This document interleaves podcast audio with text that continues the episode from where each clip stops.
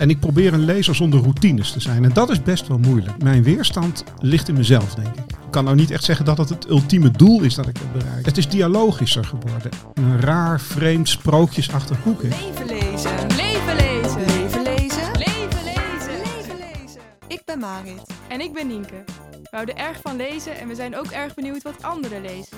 Daarom gaan wij iedere aflevering in gesprek met iemand over diens favoriete boek. Kunnen we door middel van de literatuur het leven van onze gast leren kennen?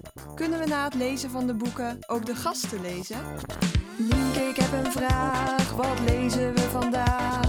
Dat moet je vragen aan onze gast. Wat koos die uit de boekenkast? Jean-Paul Sartre of Saskia Noord? Of hebben we er nog nooit van gehoord? Leven lezen. Leven lezen.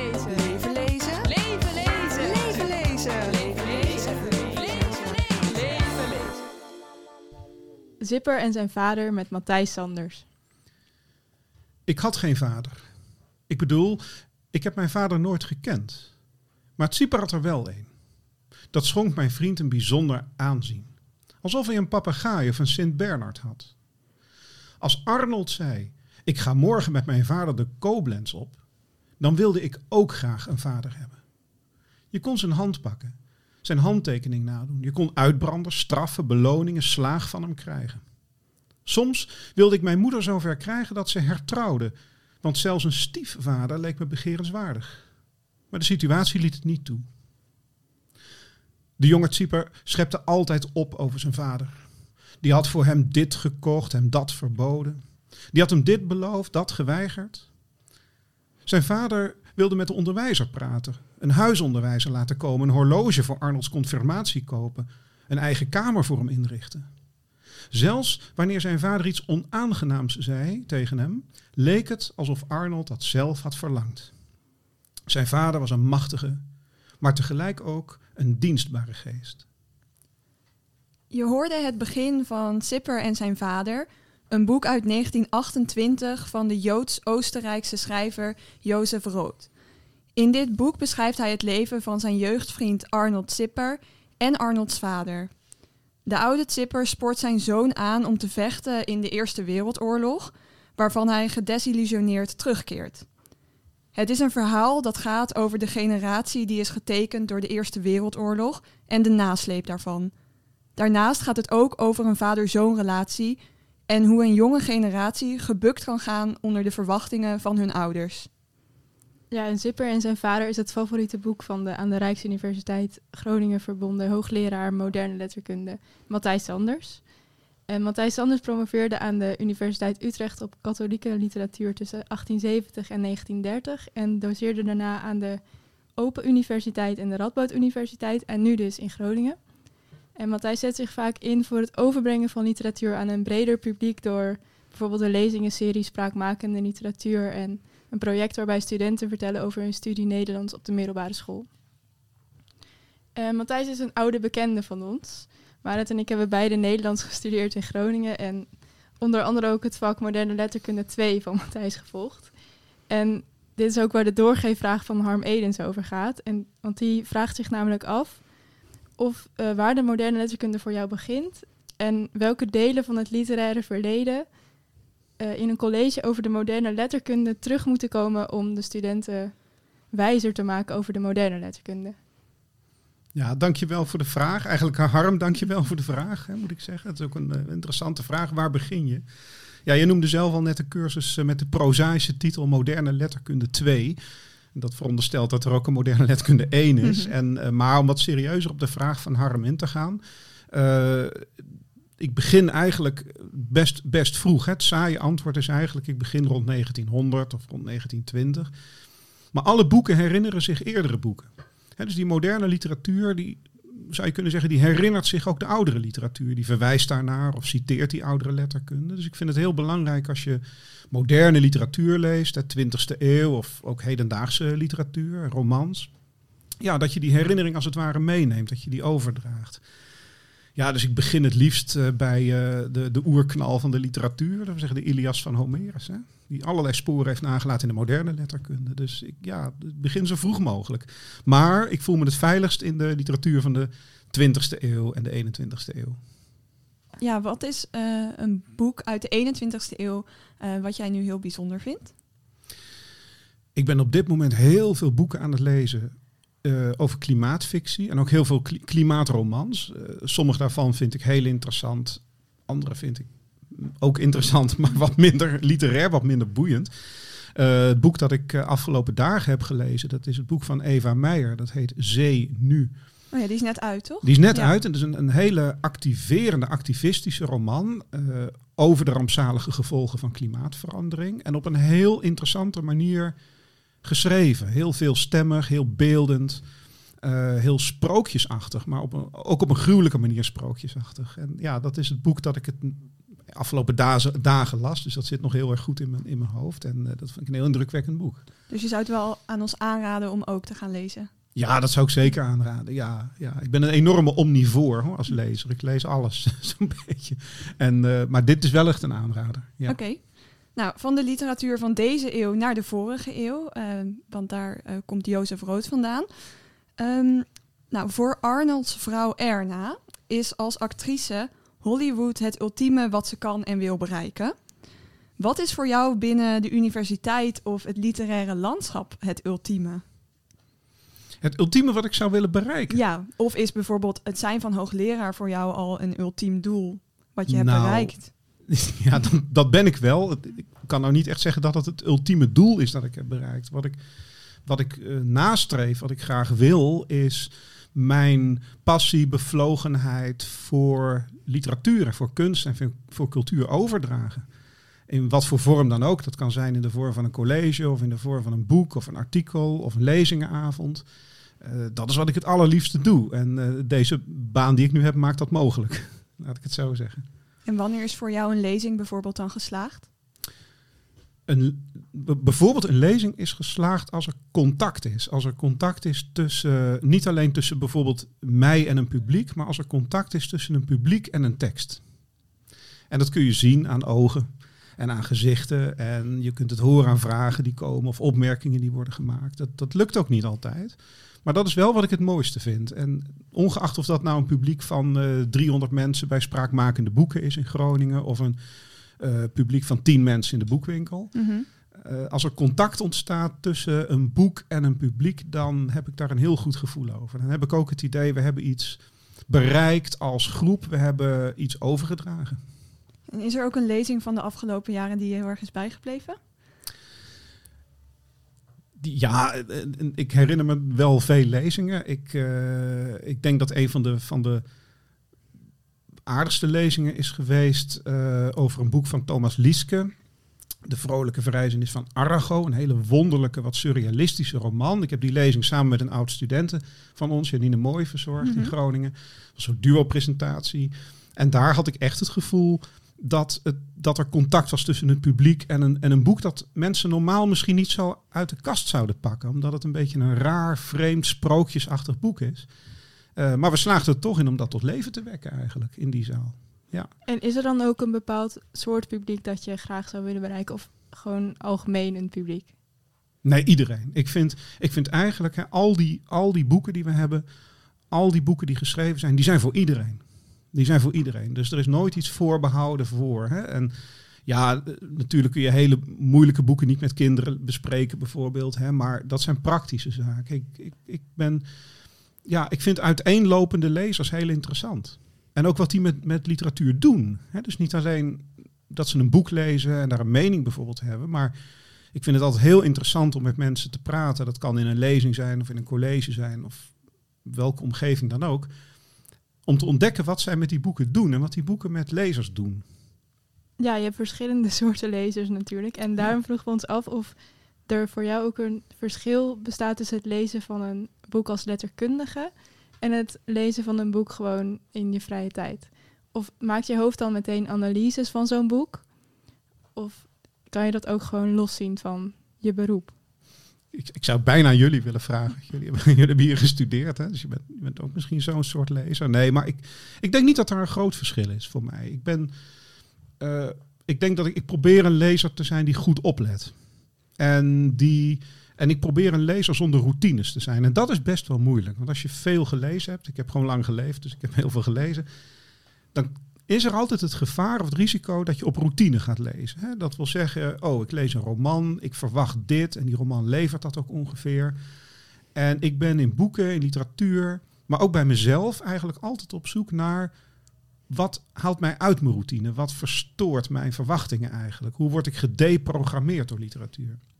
En dan maakt het eigenlijk niet uit of ik dat op zondagavond een boek lees of uh, anderhalf uur voor een college nog even uh, goed naar een tekst kijk die we gaan bespreken. Dat is voor mij niet echt een verschil.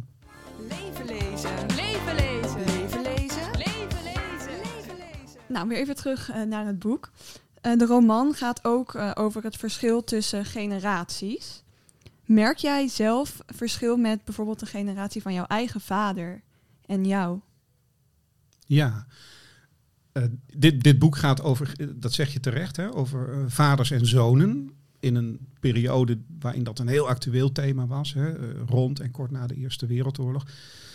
ik heb ook een vader. Mijn vader is geboren in 1927, mm -hmm. dus die, is nu, die wordt 95. En tot mijn grote geluk waren mijn beide ouders hele vervente lezers. Ik ben echt opgegroeid in een huis met veel boeken. -hmm. En dat geluk gun ik iedereen. dat is echt fantastisch. En uh, dus ik ben ook een hele vroege lezer geworden.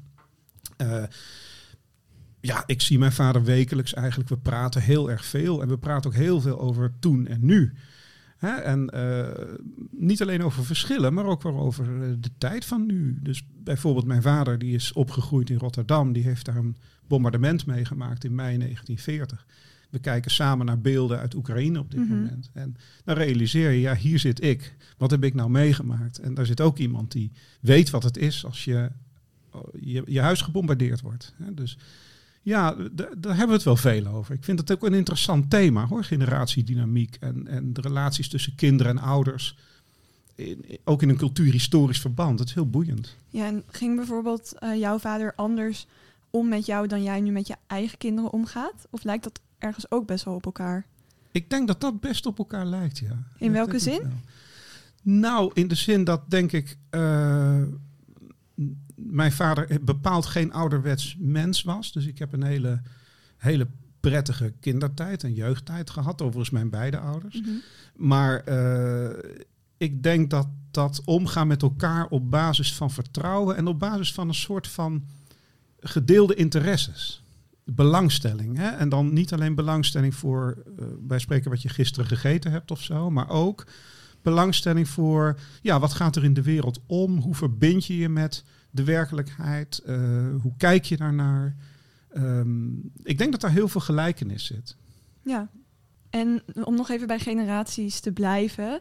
Um, inmiddels heb jij al heel wat studenten voorbij uh, zien komen. Is er ook een verschil in de begintijd dat jij doseerde en nu? Met studenten, hoe je ze ervaart. Of hoe jij, jezelf, hoe jij eigen studententijd ervaar, ervoer, ervaarde.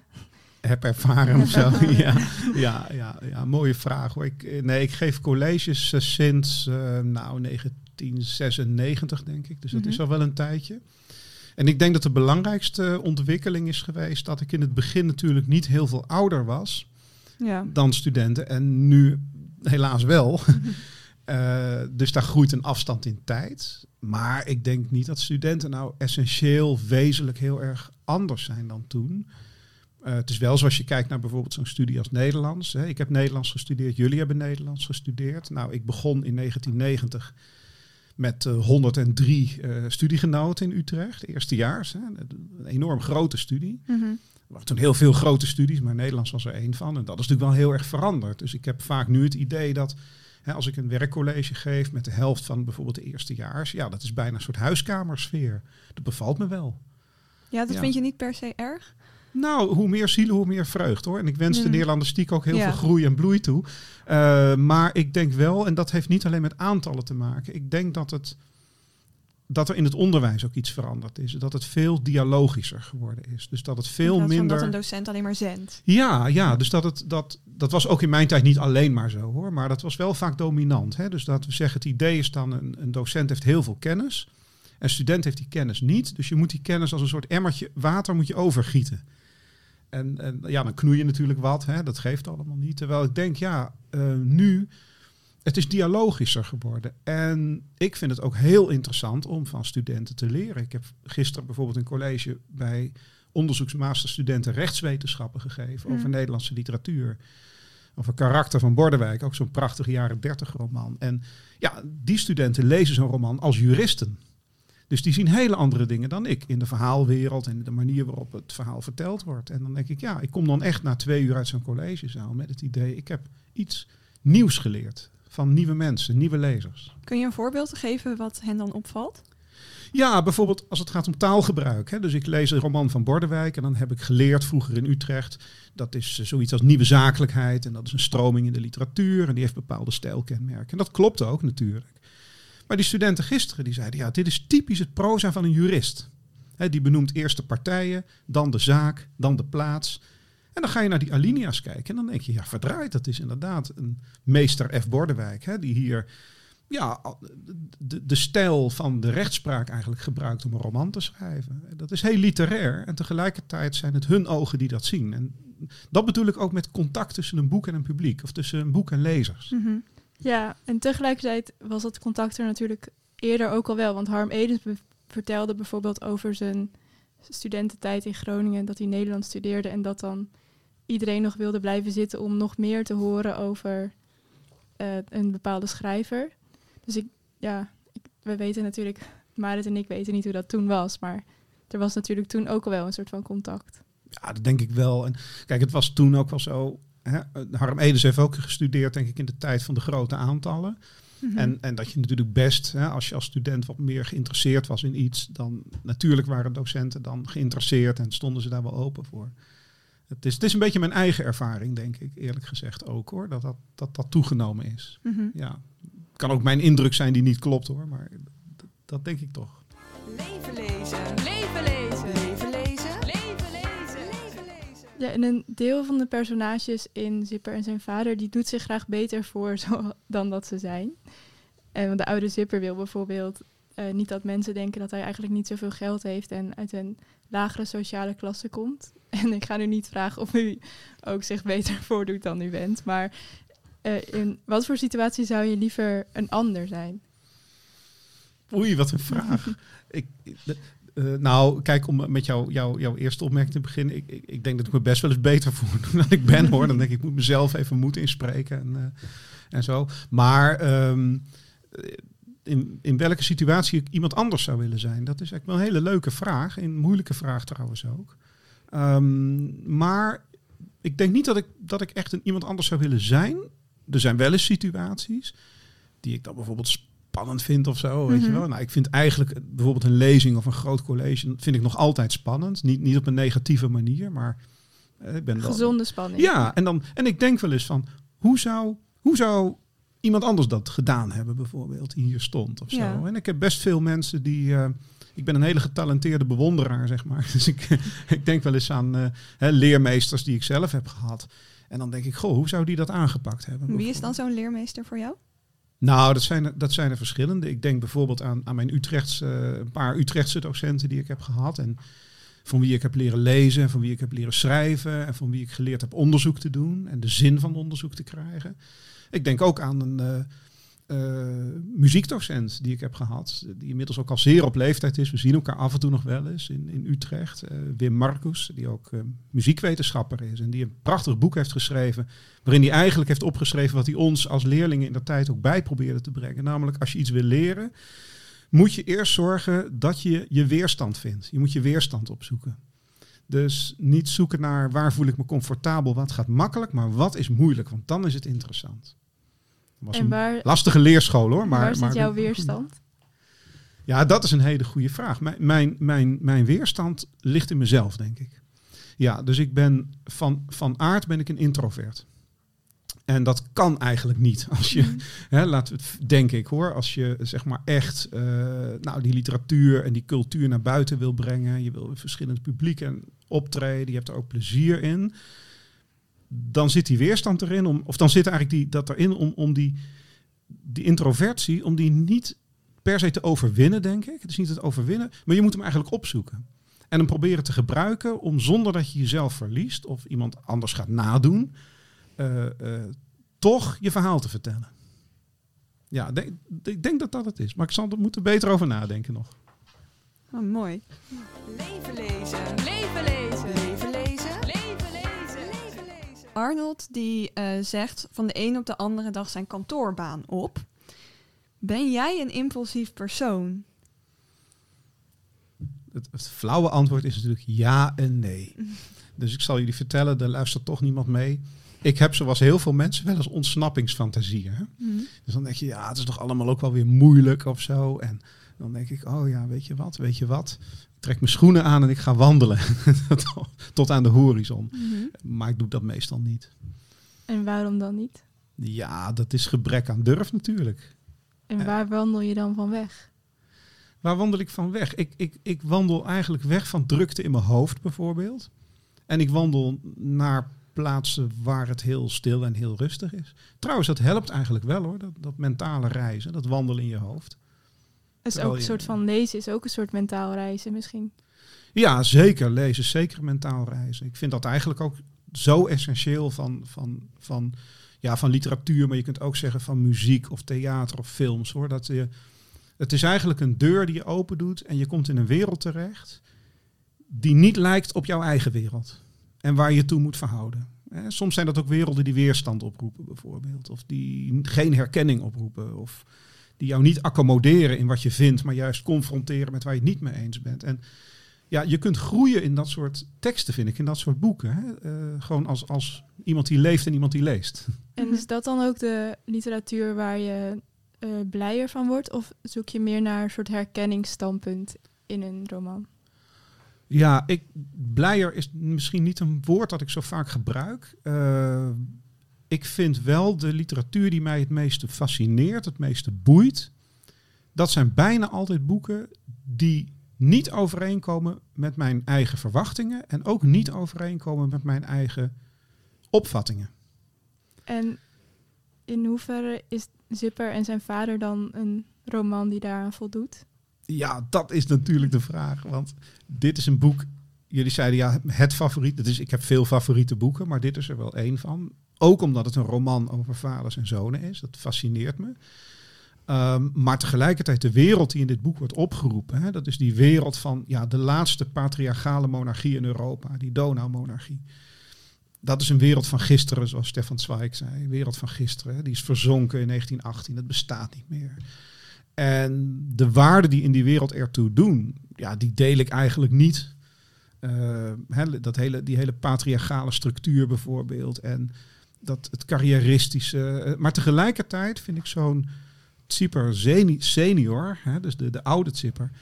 Ja, een ongelooflijk fascinerende en boeiende figuur. Het is een, een soort burgerlijke parvenu die zich voortdurend beter voor wil doen dan die eigenlijk is, hè, zoals jij al zei. En, maar ook een hele aandoenlijke man die ook met heel veel mededogen wordt beschreven. Daar heb ik wel eh, goed gevoel bij. Dat vind ik wel die milde ironie hè, die, die Jozef Rood heeft. Eh, het is niet cynisch wat hij doet. Het is een soort van milde ironie. En ook een soort van ja, eh, affectieve houding ten opzichte van de personages. Maar de wereld die in het boek wordt opgeroepen is niet die van mij of die van ons. Daar kan ik niet van zeggen, ja, daar ben ik het mee eens.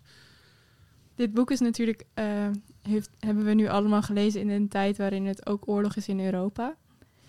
En het gaat namelijk over de Eerste Wereldoorlog en de nasleep daarvan. En kun je zo'n boek ook los van die tijd lezen of, of extra eh, duidelijk in deze tijd dat je soort van er nog meer mee kunt meevoelen bijvoorbeeld? Ja, dat laatste denk ik wel. Ik, ik heb het boek herlezen voor, voor vandaag, voor, toen, toen, voordat jullie kwamen. Ja, en ik kan dat eigenlijk niet meer lezen zonder te denken aan eh, wat er nu zich voltrekt in Oekraïne. Eh Jozef Rood is daar geboren. Hè? Dus eh, Rood is geboren in, in Brody. En dat was toen hij daar geboren werd in 1894. Was, dat lag in, in Galicië. En Galicië, dat was het meest oostelijke kroondomein van de Donaumonarchie. Dus van de Oostenrijks-Hongaarse dubbelmonarchie. Dat gebied is ook Pools geweest, het is Duits geweest, het is Russisch geweest enzovoort. Nou, in 1918 valt dat Midden-Europese keizerrijk, dat valt helemaal uit elkaar. En Jozef Rood wordt een van die mensen die op drift raken, die eigenlijk geen thuis meer hebben. Die gaan zwerven. Eh Rood heeft zichzelf ook een hotelmens genoemd. Hij had nooit een huis. Hij woonde in hotels. Hij schreef in een brief: Huizen zijn om in te sterven. Ik ben een haai die moet blijven bewegen om in leven te blijven. De werkelijkheid is natuurlijk, en dat verklaart ook die enorme nostalgie bij zo iemand als Rood. Hij zou misschien wel naar huis willen, maar dat huis is er niet meer. Hij is een Jood die op drift is geraakt. Hij is gaan wandelen. Niet omdat hij dat graag wil, maar omdat de geschiedenis dat noodzakelijk maakte. En ja, ik denk als je nu kijkt, beelden, verhalen uit, uit dat gebied ook. Het is nu West-Oekraïne waar, waar Brody lag. Hè, mensen op drift. En die ja, door, door een verscheurende oorlog, door het uit elkaar vallen van hun land, door het thuisloos raken, een soort nomaden moeten worden. Niet omdat ze dat intellectueel willen, maar omdat de situatie hen daartoe dwingt. En dan proberen, ja, wat kun je doen? Je kunt volkomen lethargisch worden. Hè, zeggen van, mijn tijd is voorbij en eh, eh, hè, ik, ik, ik trek me terug uit de wereld, als het ware. En ja, wat Rood heeft gedaan, die is gaan, gaan reizen. En eh, is van de pen gaan leven. Ja, want tegelijkertijd zijn de personages in de roman wel ook bezig met vechten voor het vaderland. Bijvoorbeeld die oude Zipper vindt dat vooral heel belangrijk. Die is natuurlijk ook meer opgegroeid in een tijd waarin dat vaderland ontstond. Ehm, dus daar is dan wel een soort van ook verschil in dat die personages daar dus wel heel erg op zoek zijn naar een thuisland en daarvoor willen vechten. Maar daar tegelijkertijd ook de nadelen van zien. Ja, denk ik wel, ja. Kijk, die, daarom is het ook zo'n interessante generatieroman. Hè? Want de, Zipper en zijn vader, hè, dus het gaat om Arnold Zipper. Dat is een leeftijdgenoot van de verteller, van de ik-verteller. Maar eigenlijk gaat het volgens mij, dit boek, om die vader. En om de vaderwereld eigenlijk. En die vaderwereld is eigenlijk een wereld van zekerheden. Hè, een wereld van grote ideologieën. Een wereld van nationalisme uit de 19e eeuw. Eh, de vaderwereld is de, de wereld waarin de zonen naar het slagveld worden gestuurd. En die sneuvelen daar, raken ernstig gewond, worden krankzinnig en keren terug sommigen. Een heel aantal keren terug. En die keren terug in die vaderwereld waar ze helemaal niet meer thuis zijn. Ik vind dat werk van Rood gaat, gaat wezenlijk over ontheemd zijn, over ontheemding. Hè? Dus, dus letterlijk geen heim meer hebben, geen thuis meer hebben, maar ook overdrachtelijk niet meer, niet meer passen in de wereld waar je vandaan komt. Ja. En trouwens, en Rood is daar heel ironisch over, want hij zegt over die senior, over die oude type, zegt hij ook, in het café was hij de vurigste patriot. Ja. Ja, ik denk dat het ook wel een heel mooi voorbeeld is van hoe literatuur in een andere tijd weer kan resoneren. Eh, Wat zou jij zelf eh, aan de luisteraars willen meegeven waarom het eh, zo'n mooi boek is? Nou, ik vind het een geweldig mooi boek, omdat je het op zoveel verschillende manieren kan lezen. Dus ik- weet niet hoe vaak ik het boek gelezen heb, hoor, maar laten we zeggen dat ik het vier keer of vijf keer gelezen heb. En de eerste keer, dat weet ik nog wel zeker, las ik het omdat ik geïnteresseerd was geraakt in de cultuur van Midden-Europa in de 20e eeuw. En ik wist ook dat Jozef Rood in Nederland en in België zekere bekendheid had in zijn tijd. Heeft ook een tijd een periode doorgebracht in de jaren 30. Dus ik ging dat lezen eigenlijk als een soort roman waar ik iets van kon leren over de cultuurgeschiedenis van Europa in de 20e eeuw. Maar ik werd heel erg gegrepen door een aantal scènes en een aantal zinnen uit dat boek. De tweede keer dat ik het las, heb ik het veel meer gelezen als een, als een roman die wat tijdlozer is. Dus niet zozeer een cultuurhistorisch document, maar meer een roman over een aantal personages die zich tot elkaar moeten verhouden. En ja, zo kun je het boek op allerlei manieren lezen eigenlijk. Hè? Ehm, dus ik denk dat kennis van, nou ja, bijvoorbeeld die, die, die Donau-monarchie in de 20e eeuw, dat is natuurlijk wel leuk als je die kennis hebt. Sterker nog, het is heel belangrijk als je die kennis hebt. Maar als je daar niet alles van weet, kun je toch nog van dit boek genieten, zeg maar. Kun je toch nog denken, oh, dat is een fascinerend portret van twee mannen. Moet je eens aan, aan het einde herinneren jullie die, die scène dat ze aan het einde van die roman, dat ze samen buiten zitten en dat de verteller zegt, de, de schemering valt in, het wordt donker. Dan zegt hij, het zijn net broers, die vader en die zoon. Hè? Dus ze horen bij elkaar en tegelijkertijd zijn ze, komen ze uit verschillende werelden en kunnen ze eigenlijk helemaal niet meer bij elkaar komen. Dat is de grote tragiek van het verhaal van een vader en een zoon. En zo kun je dit boek ook lezen. En ja, ik denk altijd bij lezers, wat ik, wat ik net al zei, van nou ja, hè, ik vind het zo interessant om te zien wat lezers met literatuur doen, hoe ze boeken lezen, wat ze daar. Nou, dit boek laat allerlei manieren van lezen toe eigenlijk. En die worden allemaal beloond. Nou, genoeg reden om dit boek eh, uit de kast te pakken. De doorgeefvraag. De doorgeefvraag. Dan tot slot, eh, de volgende gast is spoken word artiest Bab Schons. We hebben weer wat verschuivingen in ons schema gehad, maar als het goed is, eh, komt het nu goed als Matthijs Sanders nu een doorgeefvraag aan eh Bab Schons stelt. Dus heb jij een vraag voor haar bedacht? Ja, zeker. Vertel. Leuk om dit stokje te mogen doorgeven aan Bab Schons trouwens. Ik, mijn vraag is, ik heb eh, Bab Schons gehoord en gezien als spoken word artiest en als, als podiumdichter. En, eh, maar ze heeft ook een prachtige dichtbundel uitgegeven. Eh, nog niet zo heel lang geleden. Doe het toch maar, heet die bundel. En ik zou haar eigenlijk willen vragen hoe zij denkt over de toekomst van de papieren dichtbundel. Dus heeft, heeft de papieren dichtbundel, hè, waar, waar ik mee opgevoed ben, zal ik maar zeggen, heeft die, heeft nog een toekomst of ligt die toch meer op het podium? Hele mooie vraag, die gaan we zeker meenemen. Ehm, bedankt voor het komen. Ja, jullie bedankt voor het komen. Bedankt voor het luisteren naar deze aflevering van Leven Lezen. Wil je meer afleveringen beluisteren? Volg ons dan in je favoriete podcast-app. Heb je een vraag? Of wil je ons gewoon iets laten weten? Stuur dan een mail naar levenlezen.gmail.com. Je kunt ons ook volgen op Instagram en Twitter. Tot de volgende keer!